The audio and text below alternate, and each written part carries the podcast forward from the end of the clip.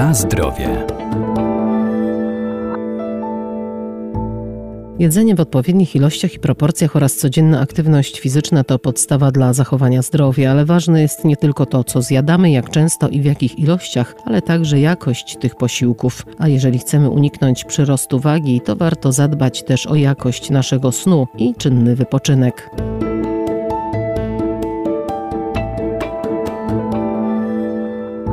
Dieta powinna być dobrze zbilansowana, zróżnicowana, ale też dobrana do indywidualnych potrzeb. Najlepiej całodzienne żywienie rozłożyć na kilka porcji w ciągu doby i spożywać je regularnie mniej więcej co 3-4 godziny, a także zadbać o dobry, zdrowy sen. Coraz więcej z nas niestety pracuje do późnych godzin nocnych i wstaje dość wcześnie i ta przerwa nocna jest za krótka. Powinniśmy spać między 5 a 8 godzin, no najlepiej byłoby 7-8, bo to jest optymalny czas, żeby się zregenerować. Doktor inżynier Justyna Libera Wydział Nauk o Żywności i Biotechnologii Uniwersytetu Przyrodniczego w Lublinie. Podczas snu wydziela się melatonina, taki hormon, który hamuje wydzielanie się kortyzolu. Kortyzol jest hormonem stresu i on w ciągu dnia się wydziela, natomiast jak zaśniemy, to jego stężenie we krwi jest niwelowane właśnie przez melatoninę.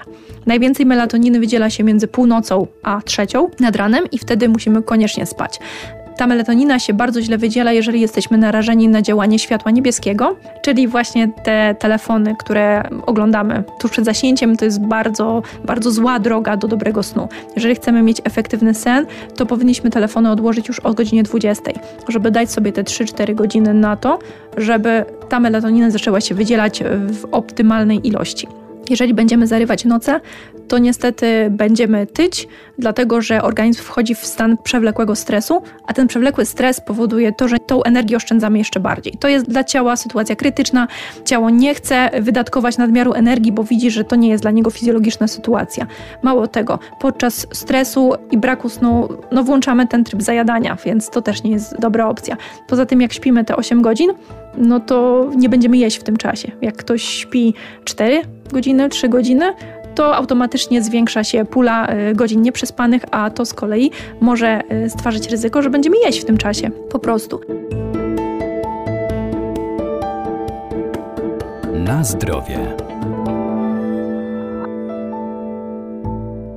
Utrzymaniu odpowiedniej masy ciała pomoże nam także codzienny ruch i aktywność fizyczna. Świetnie stres niweluje aktywność fizyczna i jeżeli jesteśmy zestresowani, zdenerwowani, zmęczeni, to właśnie trzeba pójść na basen, trzeba pójść pobiegać, trzeba wybrać się na siłownię albo taki dłuższy spacer. Aktywność fizyczna powoduje to, że mamy wyrzut y, endorfin do krwi i dzięki temu czujemy się po prostu lepiej. Jeżeli mamy możliwość, to należałoby robić wszystko, y, co się tylko da, żeby zwiększyć dzienną ilość aktywności fizycznej.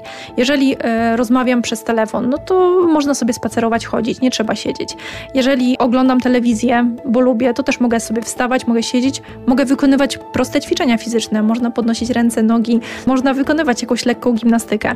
Trzeba pamiętać, że każda możliwość przemieszczania się, ruchu przyczyni się do wydatkowania energii, więc jeżeli mogę pójść schodami, a nie windą, to trzeba to zrobić. Jak mogę pojechać rowerem albo pójść zamiast jechać autobusem czy samochodem, to też należałoby to zrobić.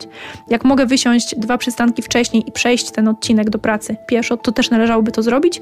A na zakupy warto wybierać się do sklepu, który jest dość daleko oddalony od domu. To też wymusi zrobienie większej ilości kroków, a ponadto świadomość, że będę musiała te zakupy przynieść do domu, wpłynie na mój wybór. Wybiorę mniej rzeczy ze sklepu, żeby tego nie nieść, więc automatycznie mniej żywności znajdzie się w lodówce, więc i pokusa będzie mniejsza. Musimy pamiętać o tym, że e, masa ciała będzie się zwiększała, jeżeli nie będziemy nad tym panować i trzeba wyraźnie odróżnić apetyt od głodu. To, że jestem głodna, to znaczy, że burczy mi w brzuchu, że spada mi poziom cukru, drżą mi ręce, bije szybciej serce, czuję się po prostu głodna. Natomiast apetyt wcale nie zawsze pojawia się wtedy, kiedy jest głód. Apetyt mogę mieć, bo ktoś postawił przede mną coś, co wygląda po prostu apetycznie.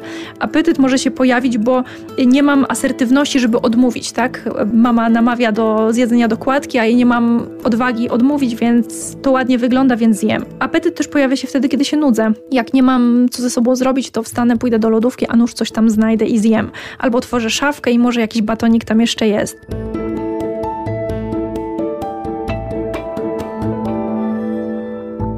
Dbając o zdrowy styl życia, warto też pamiętać o właściwym sposobie przyrządzania potraw i odpowiednim doborze składników, dlatego należy zwracać uwagę na indeks sytości poszczególnych produktów, co ułatwia kontrolę apetytu i zapobiega napadom głodu.